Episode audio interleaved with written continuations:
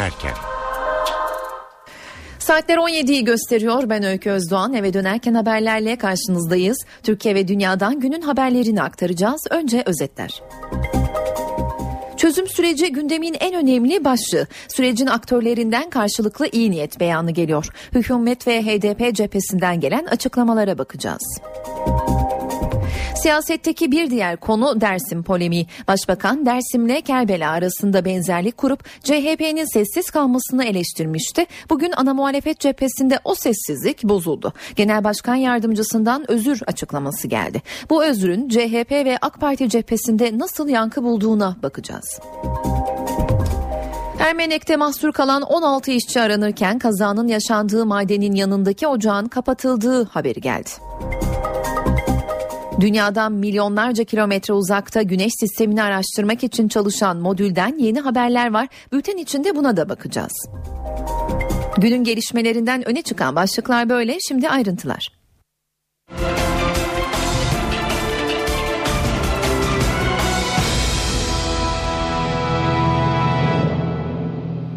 Ankara'da siyaset çözüm sürecini konuşuyor. Sürecin aktörlerinden karşılıklı iyi niyet beyanı geliyor. Başbakan yardımcısı Yalçın Akdoğan süreçte tam yol ileri diyoruz. Hedef PKK'nın silah bırakması. Bunun temel zemini de eylemsizliğin tüm boyutlarıyla hayata geçmesi. Bunlar olduğu takdirde süreç hızlı bir şekilde ilerler diyerek iktidarın süreç konusundaki tutumunu özetledi.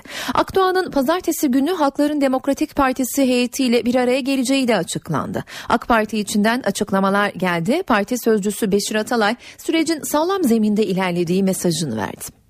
Çözüm süreci çalışmalarının kararlılıkla devam etmesi yönünde bir irade, iki taraflı irade beyan edilmiş oldu. Bu bir anlamda bir niyet yenilemedir. Bizim hükümet olarak, parti olarak biliyorsunuz çözüm süreciyle ilgili hiçbir zaman e, olumsuz bir tavrımız olmadı. 6-7 Ekim olaylarında bile bu provokasyonların, bu yanlışlıkların üzerine gidilecek. Suç işleyenler cezalandırılacak. Ama çözüm süreciyle ilgili kararlılığımız sürüyor demiştik. Yol haritası ortaya çıkmış. E, mutabakatlar sağlanmış. Her safhası şeffaf olacak. Milletin bilgisi dahilinde olacak. E, dolayısıyla e, hükümet e, kendine düşenleri e, büyük oranda yapmıştır. Güven zaafı olursa, güven kayması olursa sorunlar artar. E, şu anda doğrusu bu konularda bir tazelenme olduğunu görüyoruz. Peki HDP cephesi hükümetten gelen kararlılık mesajlarını nasıl yorumluyor? Süreçte ne talep ediyor? Bu sorulara HDP Şırnak Milletvekili Hasip Kaplan NTV yayınında yanıt verdi. Ben hep söylüyordum yani bu çözüm sürecine e, hem mecburuz hem mahkumuz yani bunun başka yolu yok diye. Son günlerde temaslar, yapılan açıklamalar, e, niyet tazeleme ve tekrar görüşme takvimi biliyorsunuz. E, pazartesi günü de sanıyorum muhtemelen Sayın Akdoğan'la bir görüşme olacak. Ondan sonraki e, çalışmalar. E, ama e, zamana yaymamak gerektiğini düşünüyorum. Yani hızlı ve sağlıklı olması lazım. Yeni demokratik bir sivil anayasa talebi en başta geliyor. Bu anayasa e, talebi ortada duruyor. Yani bu çözüm sürecinin en önemli noktalarından biri. Diğeri de yol temizliği dediğimiz demokratik yasalar. Yani kamuoyunu geleceği konusunda sağlıklı bilgilendirmek, barışı konusunda sağlıklı bilgilendirmek son derece önemlidir diye düşünüyorum. Siyasette tartışılan konulardan biri de Dersim olayları. Başbakan Ahmet Davutoğlu Hacı Bektaş'ta yaptığı Dersim modern Kerbela'dır. CHP lideri Kemal Kılıçdaroğlu bunu buna sessiz kalıyor açıklamasının ardından ana muhalefet cephesinde yeni bir gelişme yaşandı ve Genel Başkan Yardımcısı Sezgin Tanrıkulu CHP adına özür diledi. Onun bu özrü hem partisinde hem iktidar kanadında yankı buldu. Cumhuriyet Halk Partisi Dersim konusunda hala bir açıklamada bulunmadı. Neden bulunamıyor biliyor musunuz? Çünkü korkuyor. Hükümet, CHP ve MHP'yi karşı karşıya getiren Dersim polemiğinde CHP adına ilk özür geldi. CHP Genel Başkan Yardımcısı Sezgin Tanrıkulu, acı duyan herkesten, ölen her insandan, sürgün edilen her insandan CHP adına da özür diliyorum ifadesini kullandı. Sayın Tanrıkulu e, Genel Başkan Yardımcısıdır. Genel Başkan Yardımcısı orada bir açıklama e, yapıyor ise onun parti tüzel kişiliği adına mı olduğu, e, kendi kişisel görüşümü olduğu kendi açıklamalarıyla ortaya konulur. CHP Grup Başkan Vekili Akif Hamza Çebi, Tanrıkulu'nun açıklamalarının farklı yöne çekildiği görüşünde. Cumhuriyetle hesaplaşmak e, Cumhuriyetin kurucusu Büyük Önder Atatürk'le e, ilgili bir konu olarak bunu ortaya koymayı kesinlikle yanlış bulurum. AK Parti sözcüsü Beşir Atalay ise özür dilenmesinden memnun. İyi iyi iyi. E, Bir de bir de bir de genel başkanlar artık özür dilesin. Dersimli birisi olarak E, beklentimiz odur yani. Yani Cumhuriyet Halk Partisi'nden o döneme dönük eleştirilere sahip çıkma, özür dileme bu çok e, önemli. Yani ben doğrusu o özrü bile çok değerli görüyorum. Bunları konuşmaktan kaçınmamak lazım. Kobani eylemlerinin ardından hazırlanan iç güvenlik paketi önümüzdeki günlerde meclise sevk edilecek. Taslak yasalaşırsa Molotov kokteyli silah sayılacak, polis kolejleri kapatılacak, il ve ilçe jandarma komutanlarını İçişleri Bakanı atayacak. İşte ayrıntılar. Molotov kokteyli silah sayılacak. Molotov kokteyli taşıyana, kullanana karşı polis silah kullanabilecek. Yeni iç güvenlik paketi tamamlandı. Eylemlere silah, taş, sopa, sapan, demir bilye, havai fişek, yakıcı, yaralayıcı maddelerle katılana 2,5 ile 4 yıl arası hapis cezası verilebilecek. Düzenleme ile eylemlerde maske takanlara şiddete başvurmaları ya da silah, molotof kokteyli ve benzeri patlayıcı maddeler bulundurmaları halinde verilen cezalar arttırılacak. Suçüstü haliyle sınırlı olmak kaydıyla belirli suçlarda kolluk kuvvetlerine 24 saate kadar gözaltı yetkisi verilecek. Kolluk amirlerine verilecek bu yetki şiddete dayalı toplu suçlarda 48 saate kadar uzatılabilecek. Kişilerin üstü, eşyaları ve araçlarının kolluk amirinin emriyle aranmasına, arama emrinin 24 saat içinde hakim onayına sunulması kaydıyla imkan tanınacak. Taslağın yasalaşmasıyla polis koleji de kapatılacak. Öğrenciler Milli Eğitim Bakanlığı'na bağlı denge okullara aktarılacak. Güvenlik birimleri fakültesi ise polis amir eğitim merkezine dönüştürülecek. Düzenleme ile polis akademilerindeki personelin görevine son verilecek. Ve jandarma. Düzenleme ile jandarma idari işlerde tamamen İçişleri Bakanlığı'na bağlanacak. Jandarma Genel Komutanlığındaki daire başkanlarıyla il ve ilçe jandarma komutanlarını İçişleri Bakanı atayacak. HDP eş başkanı Selahattin Demirtaş, Kobani eylemleri nedeniyle partisine yöneltilen eleştirilere yanıt verdi. Demirtaş, hükümet Kobani olaylarıyla ilgili düşmanı yanlış yerde arıyor dedi. Hürriyet gazetesine konuşan Demirtaş, Diyarbakır'da bir az subayın eşinin yanında öldürülmesini ise kirli güçlerin çirkin, ahlaksız yöntemi diye nitelendirdi. Demirtaş, olay bizi de derinden yaraladı, ölümlere tepki göstermemiz lazım, üzerimize düşeni yapacağız dedi. Çözüm sürecini olumsuz etkilediği ifade edilen Kobani eylemlerinin adli boyutuyla ilgili bilgiler paylaşıldı. Adalet Bakanı Bekir Bozdağ konuştu. Bozdağ yürütülen soruşturmalarda 386 kişinin tutuklandığını açıkladı. Adalet Komisyonu'nda milletvekillerinin sorularını yanıtlayan Bozdağ, Kobani olaylarında 29 kişinin hayatını kaybettiğini bildirdi. Eylemlerin ardından 73 soruşturma açıldığını, o soruşturmalar kapsamında ise 1598 kişinin şüpheli olarak değerlendirildiğini söyledi. Cumhurbaşkanı Tayyip Erdoğan yarın Ezidilerin temsilcileriyle bir araya gelecek. 15 kişilik heyette Türkiye'de yaşayan Ezidilerle Irak'ta IŞİD saldırılarından kaçarak Türkiye'ye sığınan Ezidilerin temsilcileri bulunacak. Heyetin yaşadıkları sorunları Cumhurbaşkanı Erdoğan'la paylaşması bekleniyor.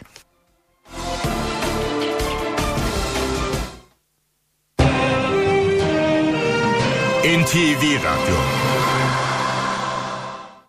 Muhalefetin yüksek maliyeti ve kaçak olduğu iddiasıyla eleştirdiği Cumhurbaşkanlığı Sarayı konusunda Cumhurbaşkanlığı Genel Sekreter Yardımcısı Metin Kıratlı'dan açıklama geldi. Kıratlı saray usulüne uygun olarak yapılmıştır dedi.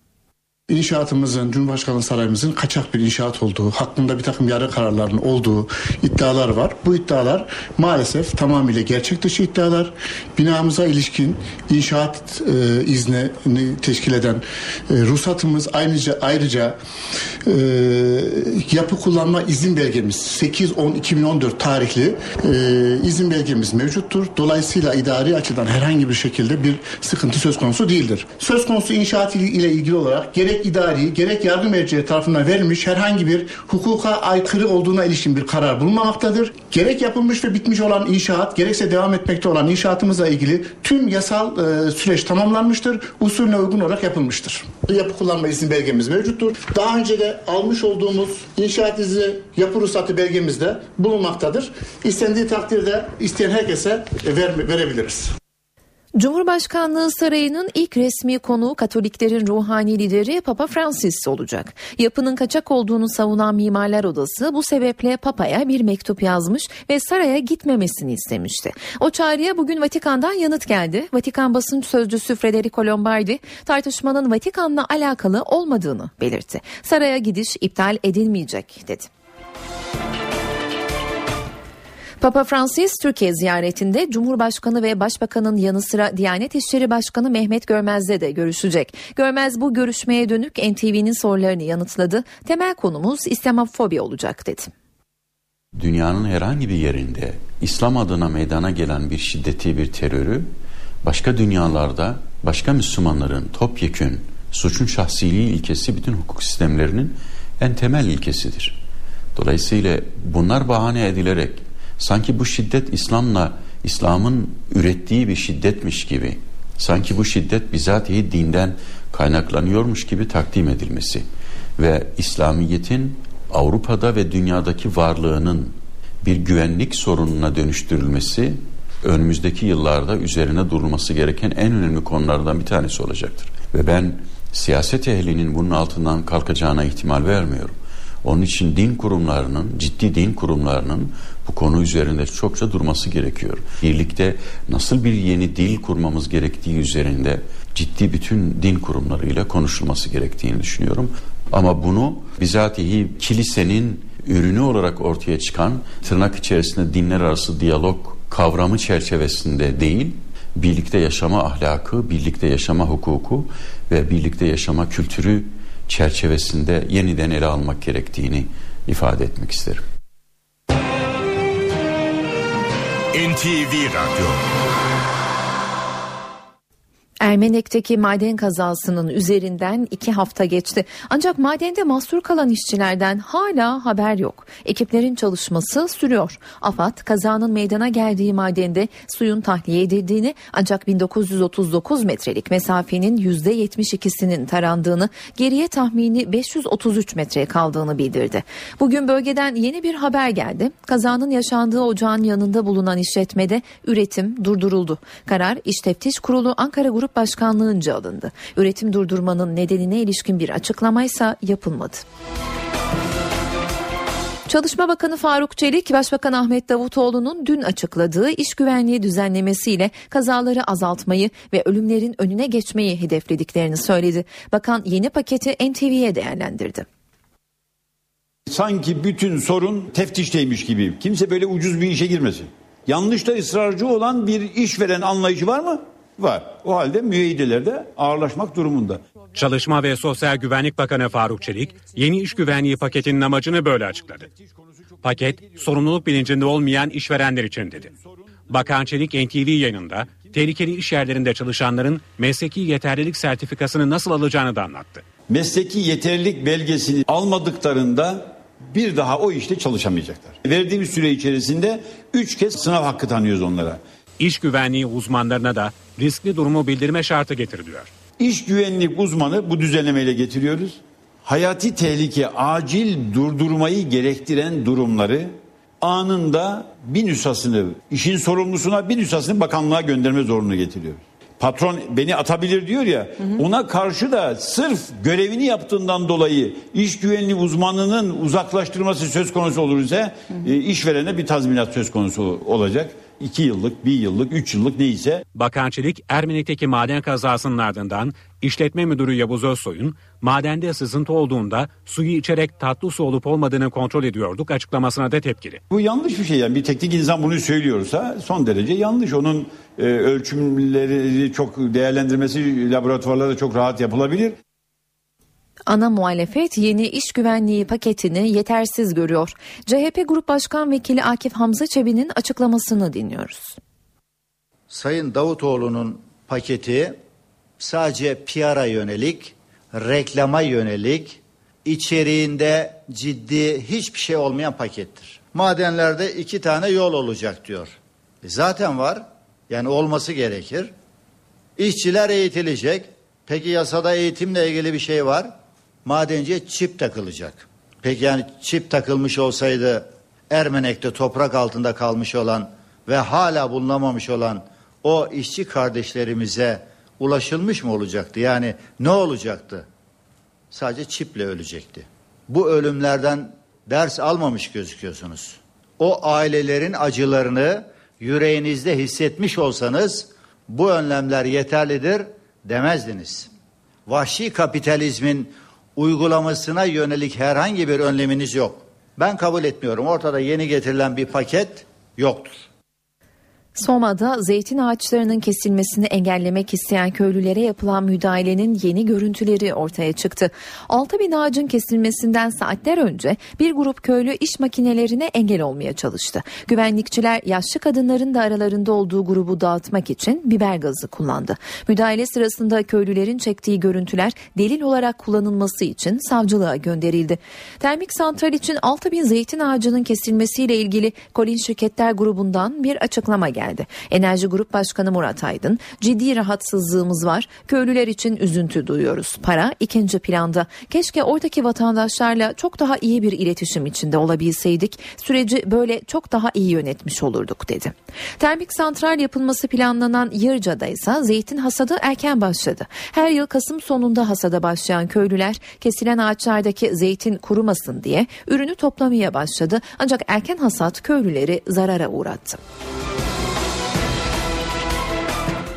Erzurum'da baraj göletindeki elektrik direğini tamir için deniz bisikletiyle gölete açılan 5 TEDAŞ işçisinin ölümüyle ilgili davada savcı 6 kişi için hapis cezası istedi. Yargı sürecinde bugüne kadar hazırlanan 3 bilirkişi raporunda ise ölen işçiler asli kusurlu olarak gösteriliyor. Elektrik arızasını gidermek isteyen 5 işçi gölette deniz bisikletleri batınca göz göre göre öldü. Bilirkişi gerekli önlemi almayan işçileri suçlu buldu. Yavaş. Savcı 6 sanık için 15 yıla kadar hapis cezası istedi. Erzurum'da 5 TEDAŞ görevlisi 3 Nisan 2012'de Karasu göletindeki elektrik direğini tamir etmek için deniz bisikletiyle açıldı. Ancak bindikleri deniz bisikleti alabora oldu. Göletteki buz parçalarına tutunan işçiler dakikalarca yardım bekledi. Kurtarma çalışmalarının geç başladığı olayda 5 işçi boğularak yaşamını yitirdi.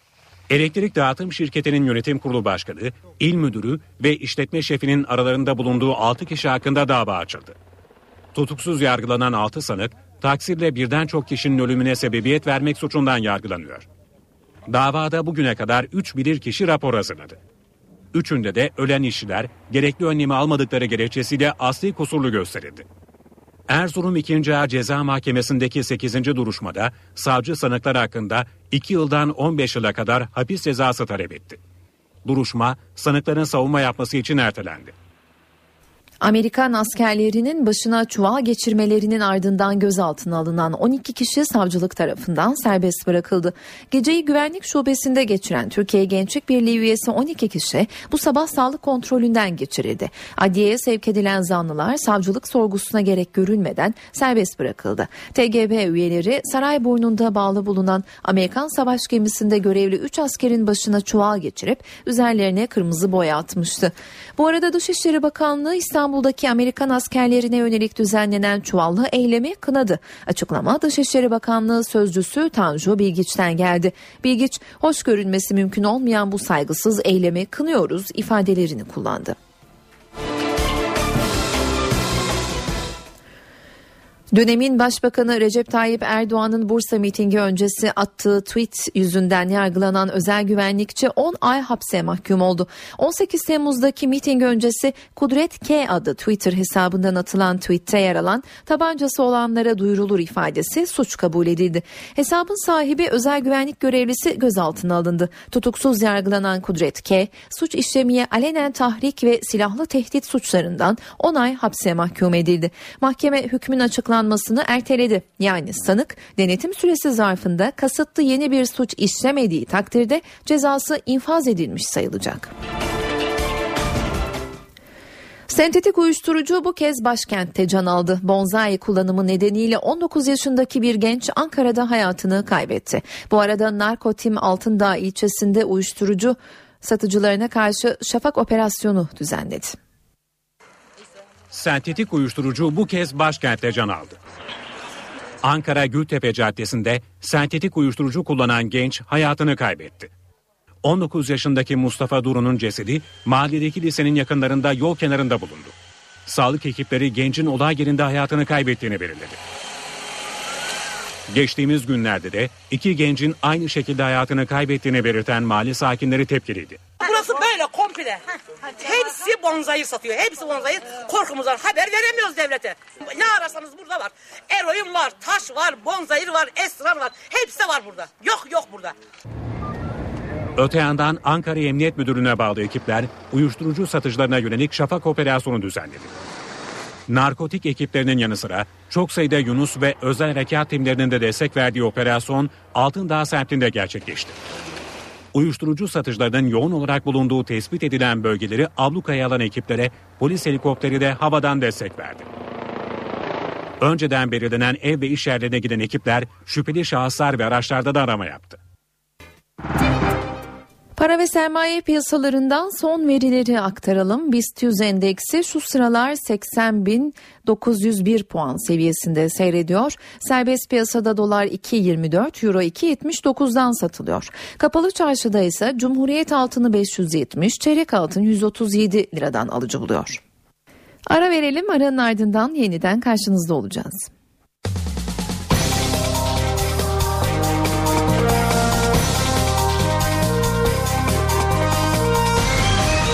Eve dönerken. Saat 17.31 ben Öykü Özdoğan eve dönerken haberlerde haber turu başlıyor. Çözüm süreci Ankara'da siyasetin en sıcak başlıklarından. Sürece devam konusunda yeni açıklamalar yapıldı. AK Parti ve HDP durumu niyet tazeleme olarak nitelendiriyor. Başbakan Yardımcısı Yalçın Akdoğan hükümetin tavrını tam yol ileri diyoruz. Hedef PKK'nın silah bırakması sözleriyle özetledi.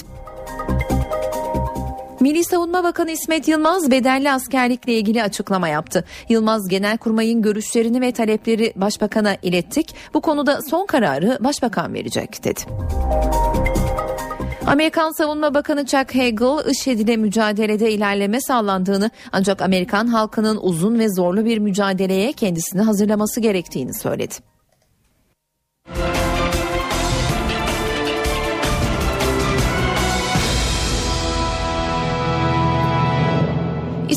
İnşa edilen 3. köprünün açılış tarihi belli oldu. Ulaştırma Bakanı Lütfi Elvan, Yavuz Sultan Selim Köprüsü'nün 29 Ekim 2015'te açılacağını belirtti. Bakan İstanbul'un trafik sorununu çözmek için önümüzdeki aylarda yeni projeler açıklayacaklarını da söyledi. Taksim Meydanı'nın yayalaştırılmasının ardından sırada Beşiktaş Meydanı var. İlçede trafik yer altına alınacak. Toplu taşıma durakları kaldırılacak. Otopark, bankalar ve iş yerleri yıkılacak. Anıtlarsa korunacak. Yayalaştırma kapsamında Ihlamurdere Caddesi de araç trafiğine kapatılacak. Beşiktaş Evlendirme Dairesi'nin bulunduğu alana Ihlamur Meydan projesiyle de bin araç kapasiteli otopark yapılacak. Proje sadece meydanı kapsamıyor, kentsel dönüşüm de gündemde. Beşiktaş'ta deprem riski taşıyan Sinan Paşa, Türkali, Vişnezade, Ortaköy ve Mecidiye mahallelerinde dönüşüm yapılacak. Proje hazır. 2016 yılının sonuna kadar bu projelerin onaylanması, 2017-18 sezonunda uygulanmaya başlanması, 2019'da ise çalışmaların bitmesi bekleniyor.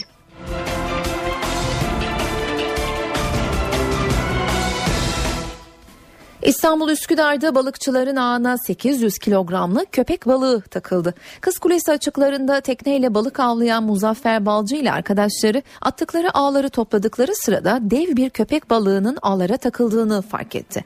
Dev köpek balığı zorlukla tekneye çıkarıldı. 3,5 metre boyunda 800 kilogram ağırlığındaki pamuk cinsi köpek balığı balıkçı dükkanında sergilenmeye başlandı. Muzaffer Balcı balığı 2-3 gün sergiledikten sonra kanser hastalarına ücretsiz dağıtacağını söyledi. Merkez Bankası Eylül ayı cari açık rakamlarını açıkladı. Eylül ayında cari açık 2,22 milyar dolar gerçekleşti. Beklentiler 2,6 milyar dolar seviyesindeydi. 9 aylık cari açık 30,86 milyar dolara ulaştı. Bu rakamın da 32,1 milyar dolara ulaşması bekleniyordu. NTV Radyo Avrupa Parlamentosu Doğu Akdeniz'deki gerilimle ilgili bir karar tasarısı oyladı. Parlamento Rum yönetiminin tezleri doğrultusunda şekillenen kararı oylayarak kabul etti. Kararda Türkiye'ye Rum yönetiminin ekonomik alanını tanıması ve uluslararası hukuka uyması yönünde çağrı yapılıyor. Rumların bu bölgede doğal kaynak arama konusunda tam ve egemen hakka sahip olduğu vurgulanıyor. Kararda ayrıca Türkiye'nin provokatif olarak nitelenen eylemlerinin sürmesinin müzakere süreci de dahil olmak üzere Avrupa Birliği Türkiye ilişkilerinde olumsuz etki yaratabileceği belirtiliyor. Türkiye'nin bölgedeki faaliyetlerinin yasa dışı olduğunu iddia eden Avrupa Parlamentosu Türk gemilerinin derhal geri çekilmesini de talep ediyor. Türkiye IŞİD'le mücadele kapsamında Suriyeli muhaliflerin eğitilip donatılmasını şart koşuyor. Yarın bu konuda kritik bir görüşme gerçekleşecek. Washington'dan Ankara'ya gelecek heyet ile konunun ayrıntıları masaya yatırılacak. Anlaşma sağlanırsa eğitimler Aralık ayı sonunda başlayacak. Türkiye'de eğitilecek Suriyeli muhaliflerle ilgili müzakerelerde sona yaklaşılıyor. Türkiye'ye gelecek ABD'li askeri yetkililerle Eğit Donat programına ilişkin detaylar Genelkurmay karargahındaki görüşmelerle belirlenecek. Bugün zannediyorum bir heyet geliyor Amerika'dan. Onlar bu heyetler arasında çalışılıyor. Bu gelişte sanıyorum artık bu konuda son safhalara gelinmiş olur. Nihai çerçevenin belirlenmesi beklenen bu görüşmede kaç Suriyelinin nerede hangi takvimle eğitileceği, nasıl bir eğitimden geçirileceği gibi konu başlıklarının netleşmesi bekleniyor. NTV'nin ulaştığı bilgilere göre Türkiye sadece Suriye'de savaşan ılımlı muhaliflere eğit donat desteği verecek. Aynı program kapsamında eğitilecek peşmergeler için adres Kuzey Irak. Eğitmenler de Amerikalı olacak. Edinilen bilgilere göre eğit donat programında ilk etapta 2000 muhalifin eğitilmesi planlanıyor. Eğitim merkezi olaraksa Kırşehir Hirfanlı Barajı yakınlarındaki Jandarma Eğitim Komutanlığı belirlendi. Anlaşma sağlanması durumunda eğitimlerin Aralık ayı sonunda başlaması ve Türk subayların yanı sıra ABD'li askerlerin de eğitimde rol alması planlanıyor. Eğitimlerin ardından teçhizatların büyük bölümünün ise Amerika Birleşik Devletleri ordusu tarafından karşılanacağı belirtiliyor. Kısa bir ara verelim yeniden karşınızda olacağız. Eve dönerken devam ediyor. Saat 17.43 eve dönerken haberler sporla devam ediyor. Sözü Volkan Küçü'ye bırakıyoruz. Spor haberleri başlıyor.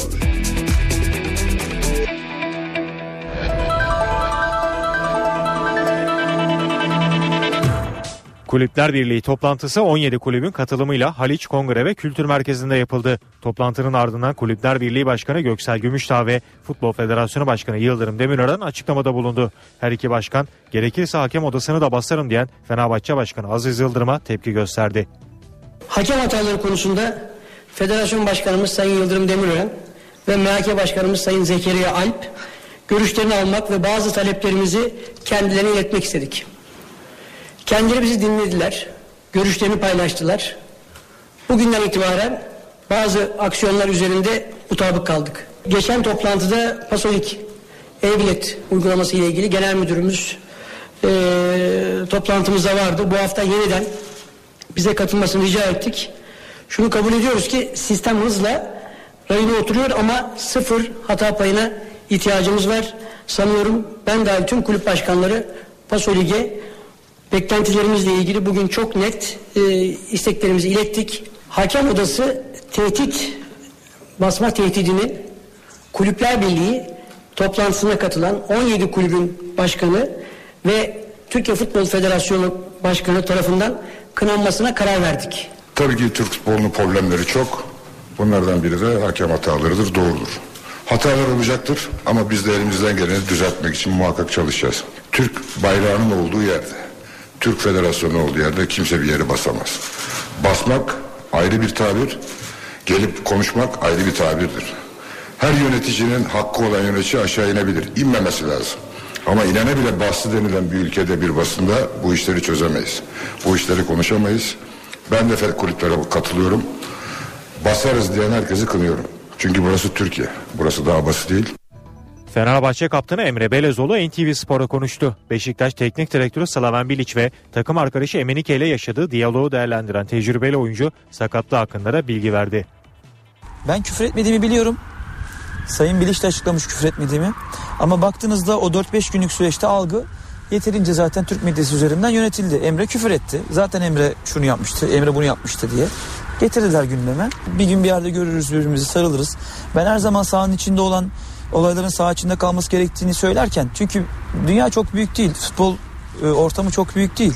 Bir gün bir açılışta karşılaşıyorsunuz. Bir gün başka bir maçta karşılaşıyorsunuz. Aynı takımda oynayabiliyorsunuz bir gün problem yaşadığınız bir futbolcu arkadaşınızla. Bir sürü şeyler olabilir. O yüzden ben hiçbir zaman bunu bir geleceğe taşımadım. Emenike konusu başka bir konuydu. Sağ içinde sadece olup sağ içinde kalması gereken bir konuydu.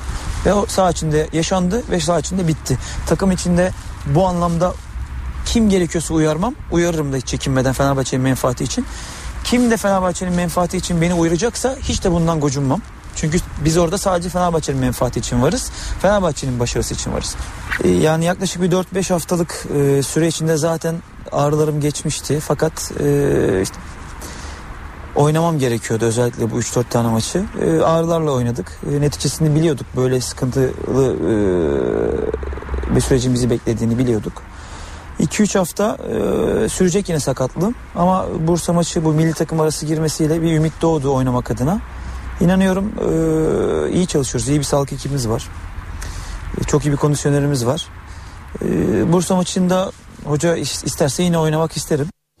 Beşiktaş Başkanı Fikret Orman geleceğe dair umutlu mesajlar verdi. Kulübü darboğazdan çıkardıklarını belirten Orman yeni stadın bitmesiyle Beşiktaş'ın önünün açılacağını söyledi. Beşiktaş Başkanı Fikret Orman Koç Üniversitesi'nde düzenlenen panele katıldı. Öğrencilerin sorularını yanıtlayan Orman özellikle kulübün mali durumuyla ilgili mesajlar verdi. Göreve geldiğimizde 325 milyon dolar borç, 80 milyon dolar gelir vardı diyen Orman gelirleri artırdıklarını söyledi. İnşaatı süren yeni stadın önemine vurgu yapan Orman. Mali olarak iyi bir yoldayız. Beşiktaş'ın önü çok açık. Stat bitince gelirimiz 200-250 milyon dolar seviyesine gelecek ve dünyanın en güzel stadyumu olacak diye konuştu. Orman futbol takımı ile ilgili de mesajlar verdi. Ekonomik olarak rahatladıkça Dembaba ayarında ve daha iyi transferler yapacağız diyen Fikret Orman. Sözleşmesi sezon sonunda bitecek Slaven Bilic için onu çok seviyoruz. iyi işler yapacağına güveniyoruz ama sözleşme için sezon sonunu bekleyeceğiz dedi. Orman son dönemdeki hakem hataları ile ilgili söylemini panelde de yineledi. Siyah beyazların başkanı bugüne kadar hep pozitif yaklaştık ama anlattıklarımı bazı kesimler anlamamışlar. Anlayacakları şekilde onları anlatacağım ifadelerini kullandı. Euroleague'de 5. hafta maçları bugün başlıyor. Fenerbahçe Ülker deplasmanda Bayern Münih ile karşılaşacak. Galatasaray Live Hospital ise Olympiakos'un konuğu olacak. Turkish Airlines Euroleague'deki temsilcilerimiz Fenerbahçe Ülker ve Galatasaray Live Hospital 5. hafta maçlarını deplasmanda oynayacak. C grubunda yer alan Fenerbahçe Ülker Alman ekibi Bayern Münih ile karşılaşacak. Grup maçlarını Emporio Armani'yi 77-74 ve Trov'u 91-76 yenerek başlayan Sarı Lacivertli takımımız daha sonra Panathinaikos'a 91-73, Barcelona'ya ise 80-78 mağlup olmaktan kurtulamadı. Fenerbahçe Ülker grupta bir galibiyeti bulunan Bayern Münih'i geçerek iki maçlık yenilgi serisine son vermeye çalışacak. Mücadele saat 21.15'te NTV Spor'dan canlı olarak yayınlanacak. Euroleague D grubunda mücadele eden Galatasaray Live Hospital Yunan ekibi Olympiakos'a konuk olacak. İlk dört maçında iki galibiyet, iki mağlubiyet alan Sarı Kırmızılı takım grubunda averajlı ikinci sırada yer alıyor. Kızıl Yıldız'a 76-68, Laboral Kuça'ya ise son saniye basketiyle 91-90 yenilen Galatasaray, Valencia'yı 71-64, Neptunas'ı da 94-68 mağlup etmeyi başardı. Grupta 4'te 4 yapan Olympiakos ise namalup lider durumda bulunuyor. Olympiakos Galatasaray Live Hospital maçı saat 21.45'ten itibaren Lig TV 3'ten naklen yayınlanacak. Bu haberle spor bültenimizin sonuna geldik. Hoşçakalın. İstanbul'daki yol durumunu aktaralım. Köprülerden başlayalım. Anadolu yakasından Avrupa yakasına geçişlerde Fatih Sultan Mehmet Köprüsü'nün yoğunluğu Ümraniye'den itibaren başlıyor. Boğaziçi Köprüsü'ne baktığımızda ise Acıbadem Köprüsü'nden itibaren yoğun görünüyor. Aksi istikamet Fatih Sultan Mehmet Köprüsü'ne Gazi Osman Paşa'dan Anadolu yakasında Kavacık'a kadar sürüyor. Boğaziçi Köprüsü ise Ok Meydanı'ndan itibaren Anadolu yakasında Altunizade'ye kadar oldukça yoğun görünüyor. Hemen ekleyelim Haliç Ok Meydanı yönünde bir araç arızası var. Bu nedenle bölge trafiği yoğunlaşıyor. Yine İnceli Şirin evlerdeki araç arızası da bölge trafiğini oldukça artırmış durumda. İyi yolculuklar dileriz.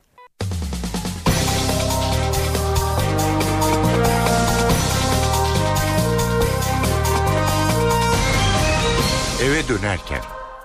Saat 18 ben Öykü Özdoğan eve dönerken haberlerde Türkiye ve dünyada günün öne çıkan haberlerini aktarıyoruz. Çözüm süreci Ankara'da siyasetin sıcak başlıklarından. Sürece devam konusunda yeni açıklamalar yapıldı. AK Parti ve HDP durumu niyet tazeleme olarak nitelendiriyor. Hem süreç aktörlerinden gelen açıklamaları hem de muhalefet temsilcilerinin görüşlerini aktaracağız.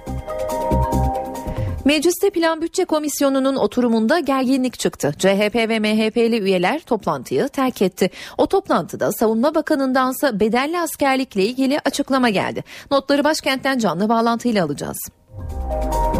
Cumhurbaşkanlığı sarayının kaçak olduğu yönündeki iddialara Cumhurbaşkanı Genel Sekreteri yanıt verdi. Saray usulüne uygun dedi. Ermenek'te mahsur kalan 16 işçi aranırken kazanın yaşandığı madenin yanındaki ocağın kapatıldığı haberi geldi. Dünyadan milyonlarca kilometre uzakta güneş sistemini araştırmak için çalışan modülden yeni haberler var. Bülten içinde buna da bakacağız. Günün gelişmelerinden öne çıkan başlıklar böyle. Şimdi ayrıntılar.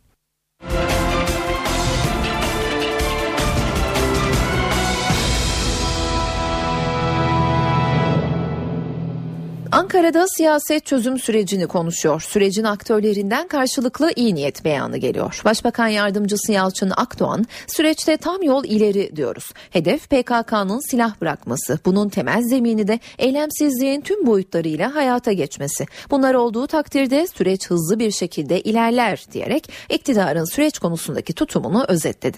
Akdoğan'ın pazartesi günü Halkların Demokratik Partisi heyetiyle bir araya geleceği de açıklandı. AK Parti içinden de açıklamalar geldi. Parti sözcüsü Beşir Atalay sürecin sağlam zeminde ilerlediği mesajını verdi. Çözüm süreci çalışmalarının kararlılıkla devam etmesi yönünde bir irade, iki taraflı irade beyan edilmiş oldu.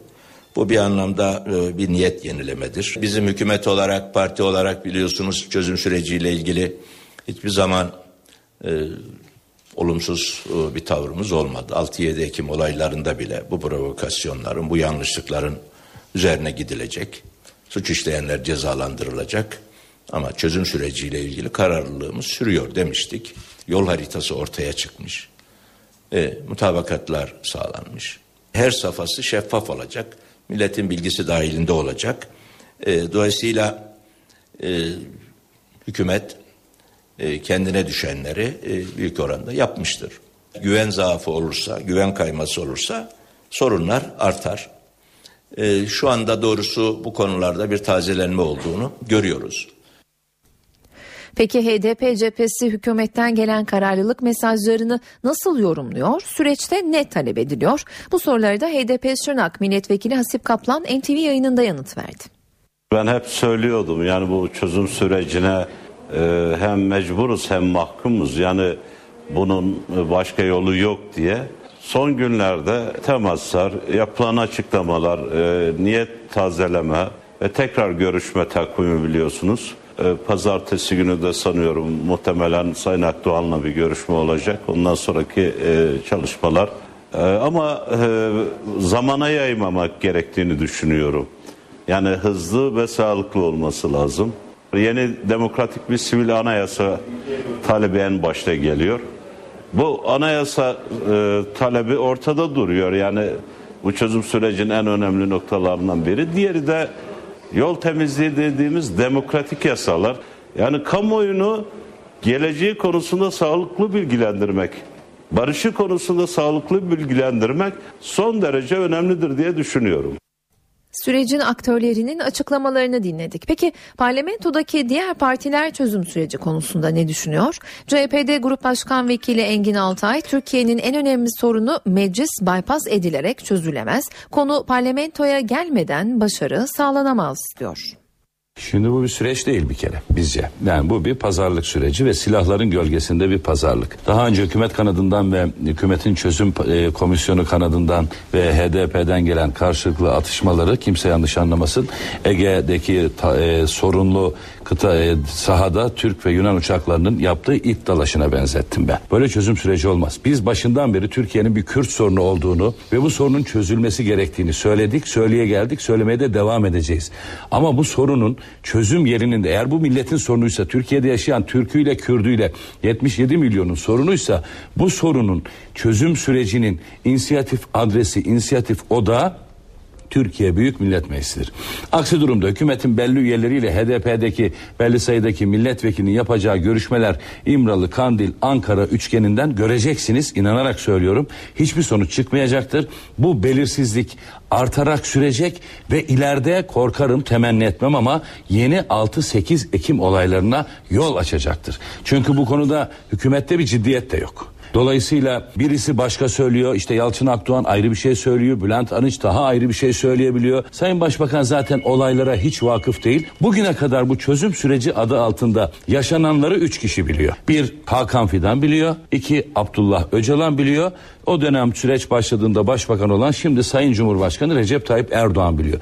Bu üçünün dışında ne Kandil'deki örgütün ileri gelenleri ne Ankara'daki HDP'nin yetkilileri ne de AKP'deki e, yöneticiler hükümetin başbakanı dahil sayın bakanlar bu konuda işin gerçeğini gerçek anlamda ne tür pazarlıkların yapıldığını kimse bilmiyor. MHP Grup Başkan Vekili Yusuf Halaçoğlu ise sürece sert eleştiriler yöneltiyor. Yani çözüm süreci aslında Türkiye'nin çözülme süreciyle eşdeğer bir şekilde yürütülüyor.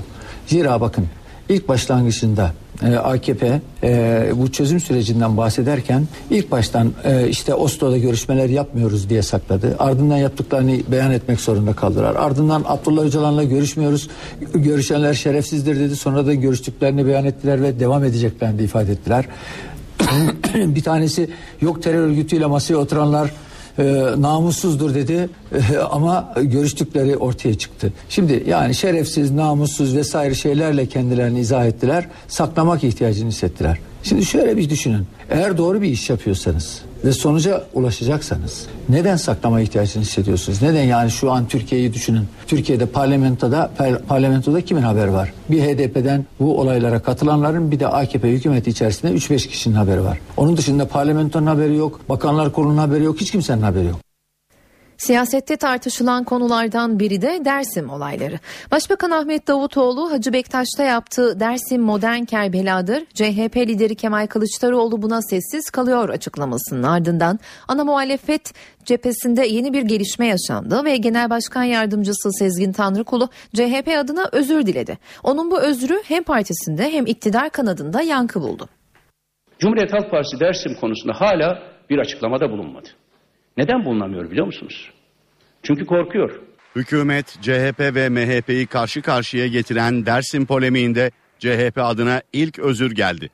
CHP Genel Başkan Yardımcısı Sezgin Tanrıkulu, acı duyan herkesten, ölen her insandan, sürgün edilen her insandan CHP adına da özür diliyorum ifadesini kullandı. Sayın Tanrıkulu e, Genel Başkan Yardımcısıdır. Genel Başkan Yardımcısı orada bir açıklama e, yapıyor ise onun parti tüzel kişiliği adına mı olduğu, e, kendi kişisel görüşümü olduğu kendi açıklamalarıyla ortaya konulur.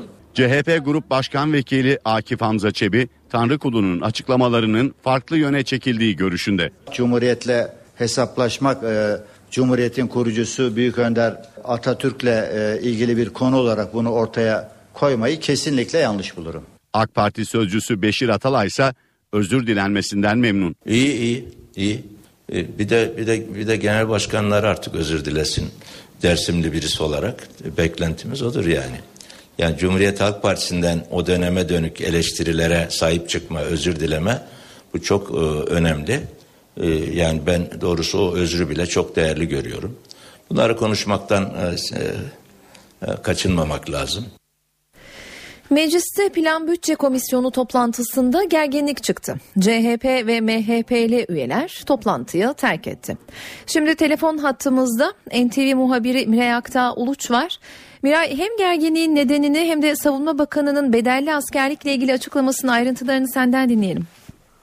Her ikisini de anlatmadan önce Türkiye Büyük Millet Meclisi'ndeki çok yeni bir gelişmeyi aktararak başlayalım.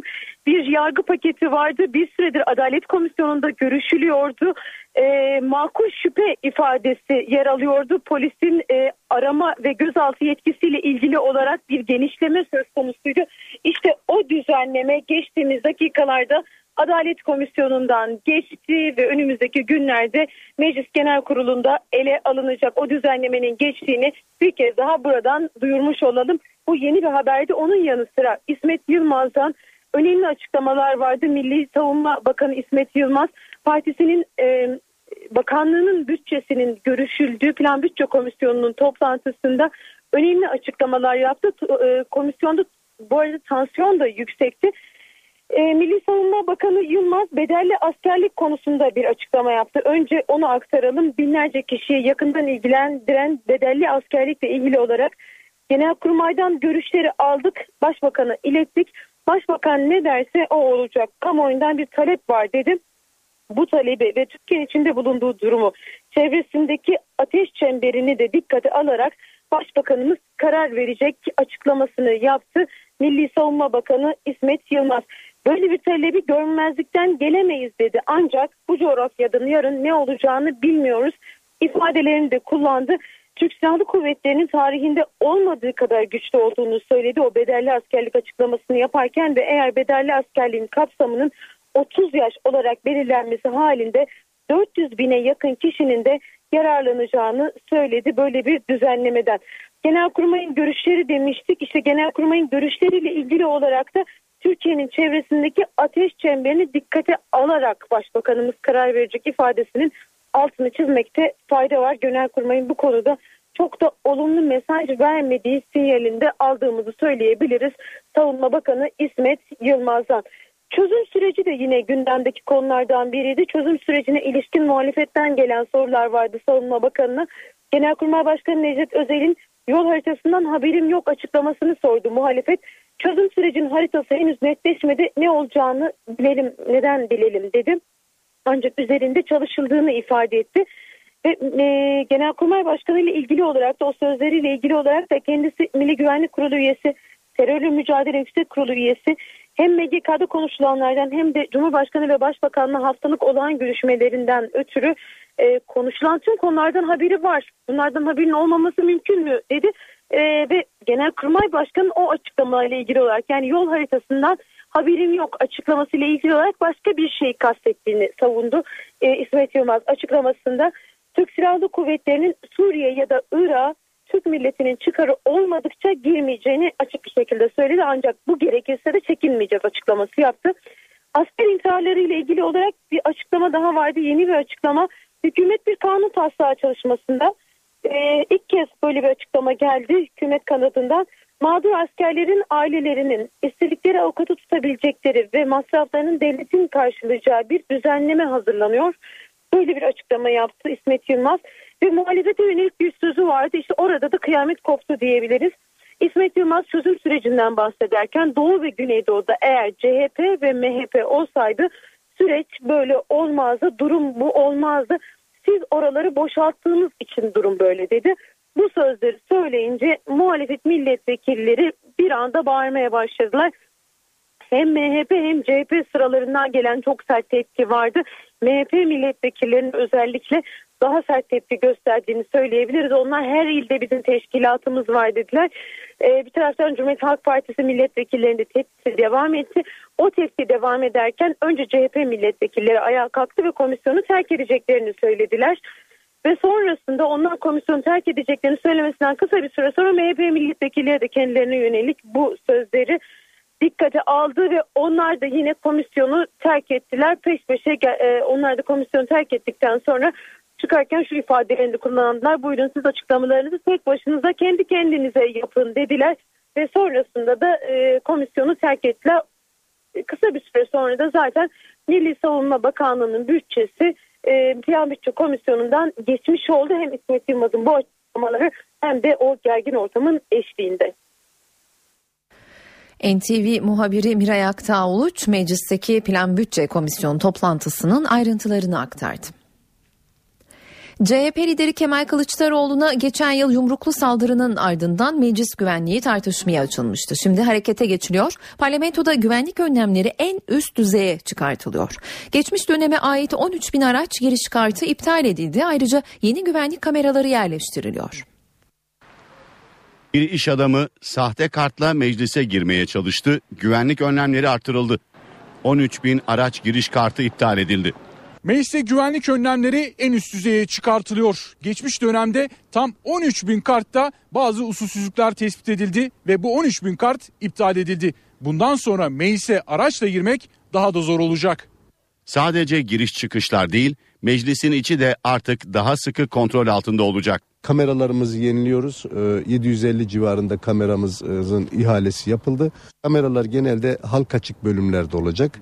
Ee, onun dışında özel hayatı e, gözlemlemeye yönelik, tahdide yönelik herhangi bir yere koymayacağız. Ziyaretçilere de artık serbest giriş kartları verilmeyecek. Gideceği yere kadar bir görevli eşlik edecek. Kemal Kılıçdaroğlu'na yapılan saldırı ya da Sayın Kılıçdaroğlu'nun dışında e, çeşitli bizim gözlemlerimiz e, var mesela. Bunların bir kısmı kamuoyuna intikal etmişti şeyler değil ama güvenlik önlemlerini artırmak gerekiyor. Güvenlik önlemlerini artırmamızın sebebi burada meclisi halka kapatmak değil. Böyle anlaşılmasın. Muhalefetin yüksek maliyeti ve kaçak olduğu iddiasıyla eleştirdiği Cumhurbaşkanlığı Sarayı konusunda Cumhurbaşkanlığı Genel Sekreter Yardımcısı Metin Kıratlı'dan açıklama geldi. Kıratlı saray usulüne uygun olarak yapılmıştır dedi inşaatımızın, Cumhurbaşkanı Sarayımızın kaçak bir inşaat olduğu, hakkında bir takım yarı kararların olduğu iddialar var. Bu iddialar maalesef tamamıyla gerçek dışı iddialar.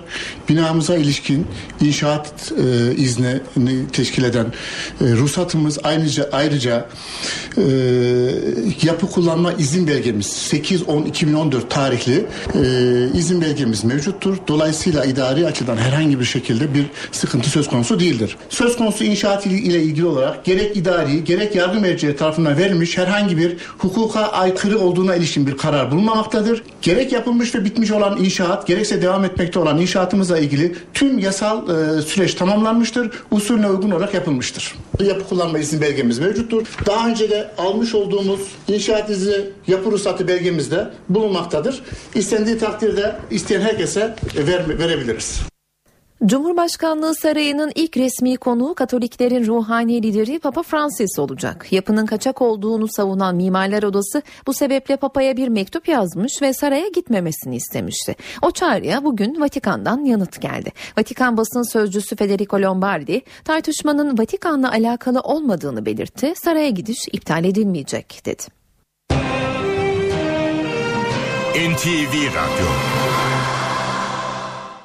Ermenek'teki maden kazasının üzerinden 16 gün geçti. Ancak madendeki işçilerden hala haber yok. Bugün bölgeden yeni bir haber geldi ve kazanın yaşandığı madenin yakınındaki ocaklardan birinde üretim durduruldu. Ayrıntıları Korhan Varol'dan alacağız. Korhan? Bu karar öncelikle şunu söyleyeyim. Ee, Çalışma Bakanlığı İş Teftiş Kurulu Ankara Grup Başkanlığı'nca alındı.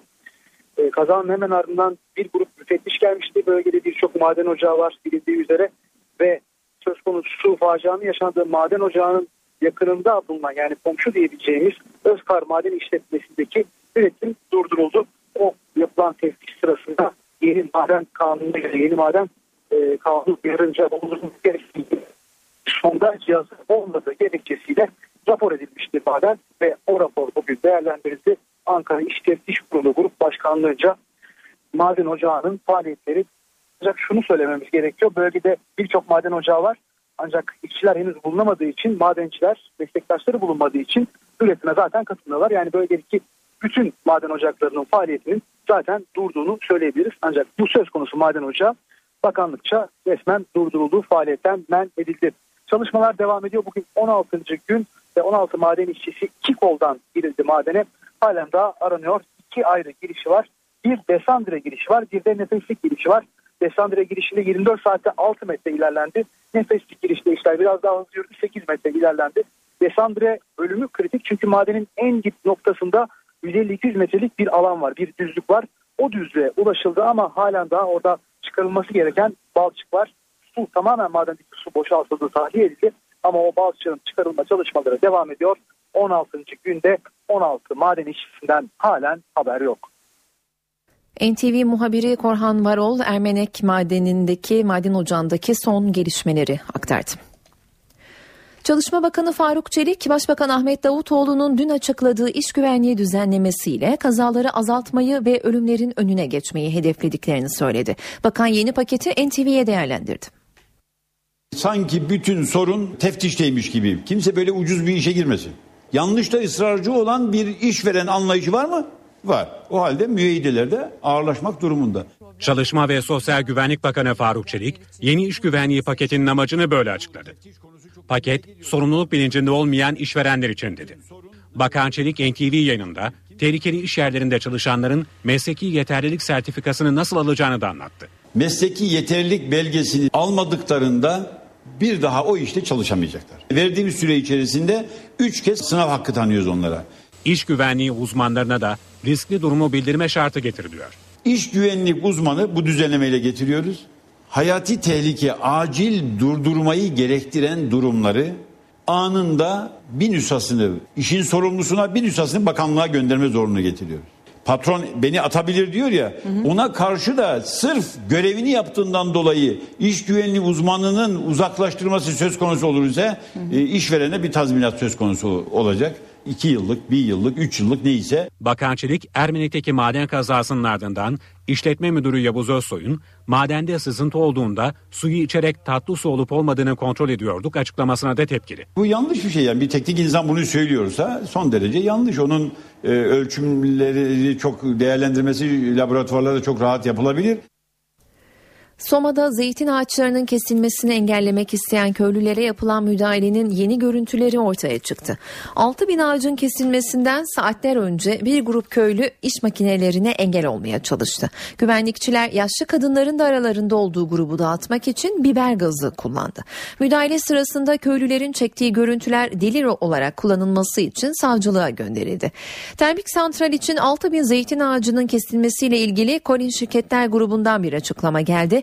Enerji Grup Başkanı Murat Aydın ciddi rahatsızlığımız var. Köylüler için üzüntü duyuyoruz. Para ikinci planda. Keşke oradaki vatandaşlarla çok daha iyi bir iletişim içinde olabilseydik. Süreci böyle çok daha iyi yönetmiş olurduk dedim. Termik santral yapılması planlanan Yırca'da ise zeytin hasadı erken başladı. Her yıl Kasım sonunda hasada başlayan köylüler kesilen ağaçlardaki zeytin kurumasın diye ürünü toplamaya başladı ancak erken hasat köylüleri zarara uğrattı. Para ve sermaye piyasalarının günü nasıl kapattığına bakalım. BIST 100 endeksi günü 80.876 puandan tamamladı. Serbest piyasada dolar 2.24, euro 2.79'dan işlem gördü. Kapalı çarşıda ise Cumhuriyet altını 570, çeyrek altın 137 liradan satıldı. Ara verelim, yeniden karşınızda olacağız.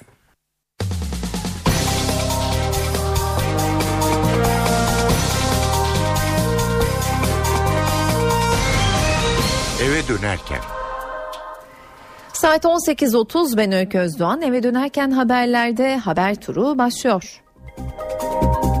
Yargı paketi Meclis Adalet Komisyonu'ndan geçti. Düzenleme hakim ve savcıların maaşlarında artış öngörüyor. Ayrıca polise makul şüphe üzerine üst arama yetkisi veriliyor. Milli Savunma Bakanı İsmet Yılmaz bedelli askerlikle ilgili açıklama yaptı. Yılmaz Genelkurmay'ın görüşlerini ve taleplerini Başbakan'a ilettik. Bu konuda son kararı Başbakan verecek dedi. İstanbul Sarıyer açıklarında meydana gelen tekne faciasında ölü sayısı 28'e yükseldi. Yapılan aramalarda bir kaçağın cesedi daha bulundu. 43 kişinin bulunduğu belirtilen tekne 3 Kasım'da batmış 6 kişi sağ kurtarılmıştı. Kayıp 9 kişi arama çalışmaları sürüyor.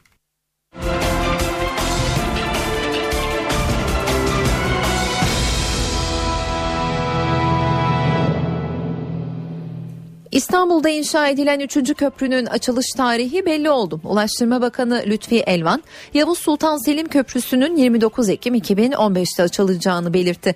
Bakan İstanbul'un trafik sorununu çözmek için önümüzdeki aylarda yeni projeler açıklayacaklarını söyledi. İstanbul Üsküdar'da balıkçıların ağına 800 kilogramlık köpek balığı takıldı.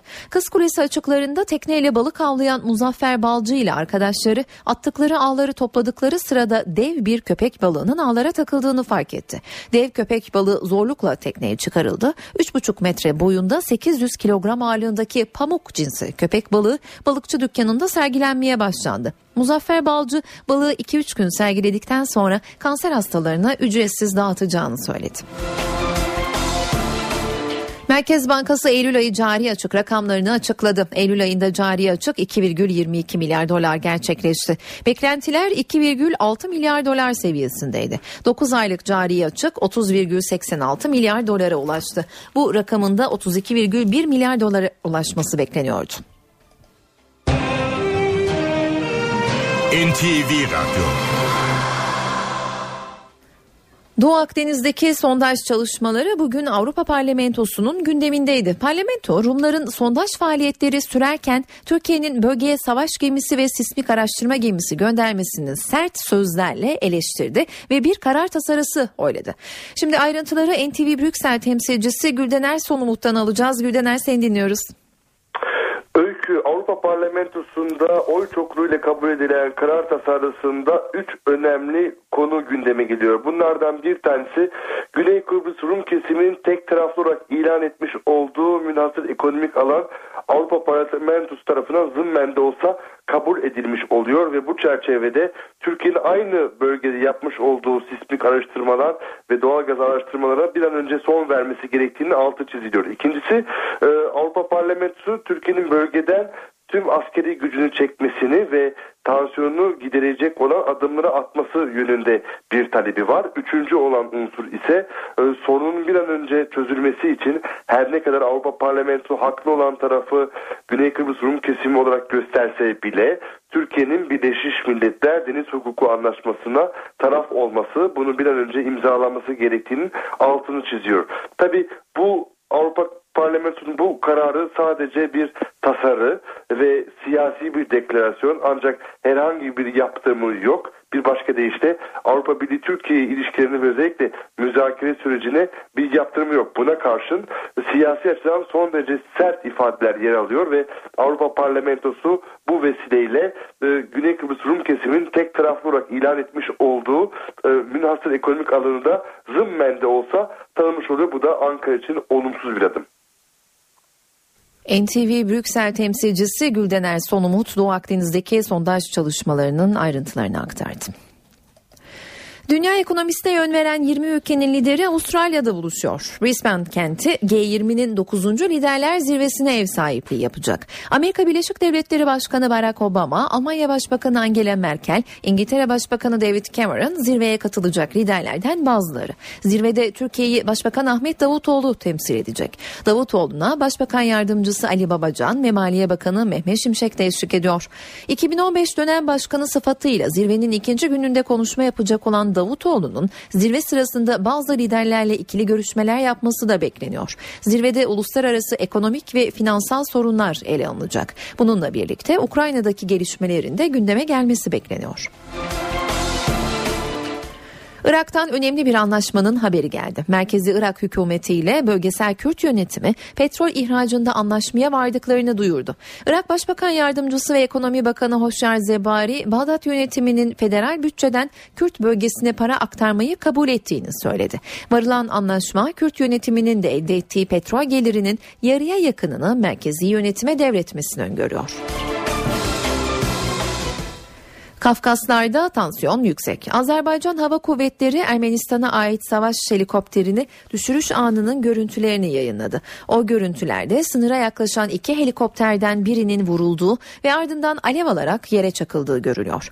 Ardından Azeri askerlerin sevinç çığlıkları duyuluyor. Helikopterdeki 3 kişilik mürettebattan kurtulan olmadı. Azerbaycan Savunma Bakanlığı helikopteri düşüren askeri ödüllendireceğini açıklarken Ermenistan Cumhurbaşkanı Ser Sarkisyan ani bir kararla Ruslarla Dağlık Karabağ'a gitti. Kısa bir ara verelim devam edeceğiz. Saat 18.41 eve dönerken haberlerde günün öne çıkan gelişmelerini aktarmayı sürdürüyoruz. Astronomi alanında dün tarihi bir adım atılmış ve 10 yıllık yolculuğun ardından uzay aracı Rosetta'nın modülü kuyruklu yıldıza tutunmuştu. Bugün yeni haberler geldi. Modülü kuyruklu yıldıza tam olarak demirleyecek zıpkınlar ateşlenemedi. Bu nedenle modül hareketli kuyruk yıldız üzerinde tam olarak sabitlenemedi. Ancak modülün durumu şimdilik iyi. Uzay aracıyla iletişimde sorun yok. Fotoğraflar alınıyor. Filay kuyruklu yıldızın yüzeyini analiz edecek. Edinilen bilgilerle güneş sisteminin oluşumunun aydınlatılması esse o Meleos. Suudi Arabistan yönetimi Mekke için yeni bir plan üzerinde çalışıyor. İngiliz Independent gazetesine göre kent yıkım tehdidi altında. Hazreti Muhammed'in Mekke'de doğduğu binanın bu yıl sona ermeden yıkılacağı ifade edildi. Yıkılan binanın yerine ise Suudi Kralı için dev bir saray inşa edilmesi planlanıyor. Kraliyet Sarayı Kabe'nin içinde bulunduğu Mescid-i Harem'i genişletme projesi kapsamında inşa edilecek. Genişletme projesi çerçevesinde şimdiye kadar yüzlerce tarihi eser yok edildi. Amerika merkezli Gulf Enstitüsü lüks oteller, apartmanlar ve alışveriş merkezleri inşa edilebilmesi için Mekke'deki bin yıllık tarihi eserlerin %95'inin yok edildiğine dikkat çekiyor. Katar 2022 Dünya Kupası için aklandı. Dünya Kupası'na ev sahipliği yarışını kazanmak için yolsuzluk yapmakla suçlanan Katar hakkında FIFA Etik Komisyonu ihlal yok kararı aldı. Böylece 2022 Dünya Kupası'nın nerede oynanacağı belirsizliği de ortadan kalkmış oldu. Uluslararası Futbol Federasyonları Birliği'nin bağımsız etik komisyonu kamuoyuyla paylaştığı 42 sayfalık raporda Katar'ın herhangi bir yolsuzluk yapmadığını ve 2022 Dünya Kupası'nın nerede oynanacağı konusunda yeniden oylamaya gidilmesine gerek olmadığını ifade etti. Raporda ortada yolsuzluğu kanıtlayacak kadar delil bulunmuyor denildi. Bununla birlikte raporda 2022 aday ülkelerinin kampanya sürecinde istenmeyen davranışlar sergilediği de vurgulandı. Alman milli takımının Türk asıllı futbolcusu Mesut Özil yardımsever kişiliği nedeniyle ödüle layık görüldü. Özil 23 çocuğu ameliyat ettirdiği için medya onur ödülünün sahibi oldu. Futbolcu Mesut Özil Almanya'da ödüle layık görüldü. Ödülün sebebi bu kez Özil'in yeşil sahadaki başarısı değil, yardımseverliğiydi. Mesut Özil'e 2014 Dünya Kupası'nın düzenlendiği Brezilya'da 23 çocuğun ameliyat masraflarını karşıladığı için Loris Medya Onur Ödülü verildi. Bu ödül benim için çok anlamlı. Çünkü benim sahadaki performansımla alakalı değil. Geleceğimiz olan çocuklara yardım ettiğim için verildi. Çok gururlu ve mutluyum. Özil neden 23 çocuğu ameliyat ettirdiğini anlattı. 23 çocuk ameliyat edildi çünkü Alman milli takımının kadrosunda 23 futbolcu vardı. Bu sebeple 23 sayısı ortaya çıktı. Her şey yolunda gittiği için çok mutluyum. Çocukların yaşaması önemli. Berlin'de düzenlenen gecede Mesut Özil ile birlikte bir dönemin efsanevi Alman futbolcusu Franz Beckenbauer ve emekli kaleci Jens Lehmann da ödüle layık görüldü. GQ Türkiye dergisinin yılın erkekleri ödülleri sahiplerini buldu. İstanbul'daki ödül töreninde yılın adamı oyuncu Halit Ergenç seçildi. Ünlü oyuncu ödülünü Muhteşem Yüzyıl dizisinin ilk sezonlarında başrolü paylaştığı Hürrem Sultan'ı canlandıran Meryem Uzerli'nin elinden aldı. Erkeklerin ödüllendirildiği gecenin tek kadın yıldızı ise Star TV'de yayınlanan Medcezir'deki performansı ise Serenay Sarıkaya ödülünü Doğuş Yayın Grubu Yönetim Kurulu Başkanı Başkanı Erman Yerdelen'den aldı. Yılın uluslararası star ödülüne ise Game of Thrones'da Jaime Lannister karakterini canlandıran Nikolai Coster layık görüldü. Gecede yılın yükselen yıldızı ödülü genç oyuncu Kerem Bürsin'e verildi. Sırada günün kültür sanat etkinliklerinden seçtiklerimiz var. Contemporary İstanbul bugün başlıyor. Uluslararası Çağdaş Sanat Fuarı sanatseverleri 520 sanatçı ve 23 ülkeden 108 Çağdaş Sanat Galerisi ile bir araya getiriyor. Bu yıl dokuzuncusu düzenlenecek olan fuara İstanbul Lütfi Kırdar Uluslararası Kongre ve Sergi Sarayı ve İstanbul Kongre Merkezi ev sahipliği yapıyor. Yaklaşık 3000 eserin yer aldığı Contemporary İstanbul'da Çin ve komşu ülkelerin sanatına odaklanan New Horizons, ses sanatı, video ve interaktif ışık enstalasyonlarına yer veren Plugin İstanbul, Editions, uluslararası tartışmaların yer alacağı CI Dialogues ve her 90 dakikada bir sanatçının şovuna yer veren CI 90 Minute Shows görülebilir. Contemporary İstanbul 16 Kasım'a kadar ziyaret edilebilir. Babylon bu akşam elektronik müzik severleri bir araya getiriyor. Very Very French Festival kapsamındaki etkinlikte Club Cheval projesi Fransız modern elektronik dünyasının önemli isimlerinden Pierre Alexander Bass'ını ağırlıyor. Performans saat 21.30'da başlıyor. Masar Fuat Özkan da İstanbul'da olacak bugün. Grup sevilen şarkılarını seslendireceği performansına saat 20'de başlayacak. Etkinliğe Sabancı Üniversitesi Gösteri Merkezi ev sahipliği yapıyor. Cihan Barbur'da Ankaralı sevenleri için bir konser veriyor. Sevilen caz sanatçısı Hayal Kahvesi Ankara'da hayranlarıyla buluşuyor. Konserin saat 21.30'da başladığını ekleyelim. Sıla ise Konya'da sahne alıyor bugün. Sanatçı Konya Selçuklu Belediyesi Spor Salonu'nda hayranlarıyla bir araya geliyor. Konser başlama saati 21. Tiyatro severler için de bir önerimiz var. Ali Poyrazoğlu'nun yeni tiyatro oyunu Babam Dokuz Doğurdu sahneye konuyor bu akşam. Pozitif enerjiyle yaşamın tatsızlıklarına ve sıkıntılarına meydan okuyan dört kişilik mutlu bir ailenin öyküsünü anlatıyor oyun. Babam Dokuz Doğurdu'nun Trump Kültür ve Gösteri Merkezi'nde sahnelendiğini ekleyelim. Oyun saat 20.30'da açıyor perdelerini. Ara veriyoruz saat başında yeniden karşınızda olacağız.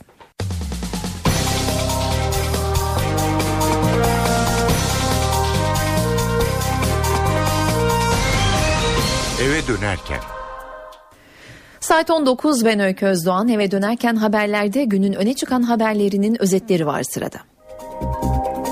Çözüm süreci Ankara'da siyasetin en sıcak başlıklarından. Sürece devam konusunda yeni açıklamalar yapıldı. AK Parti ve HDP durumu niyet tazeleme olarak nitelendiriyor.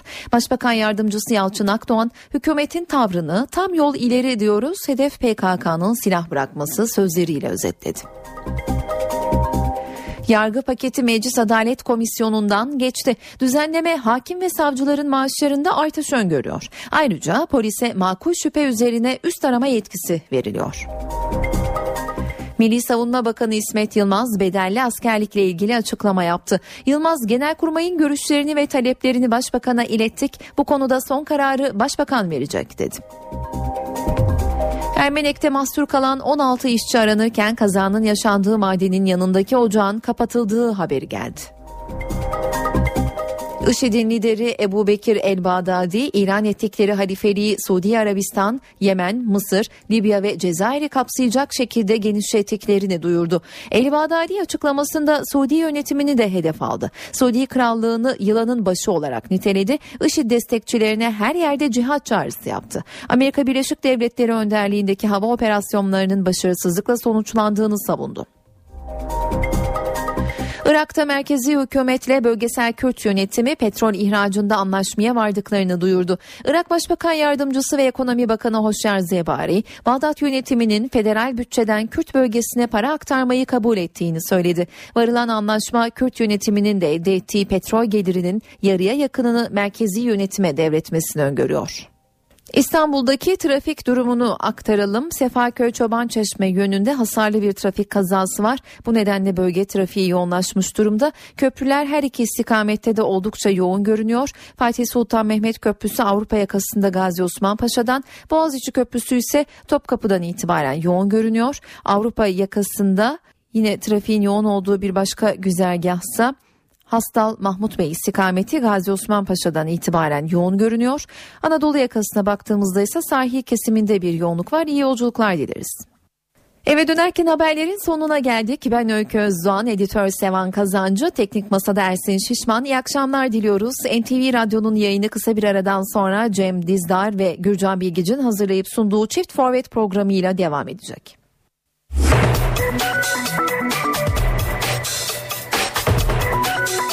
Burası NTV Radyo. Saat 20.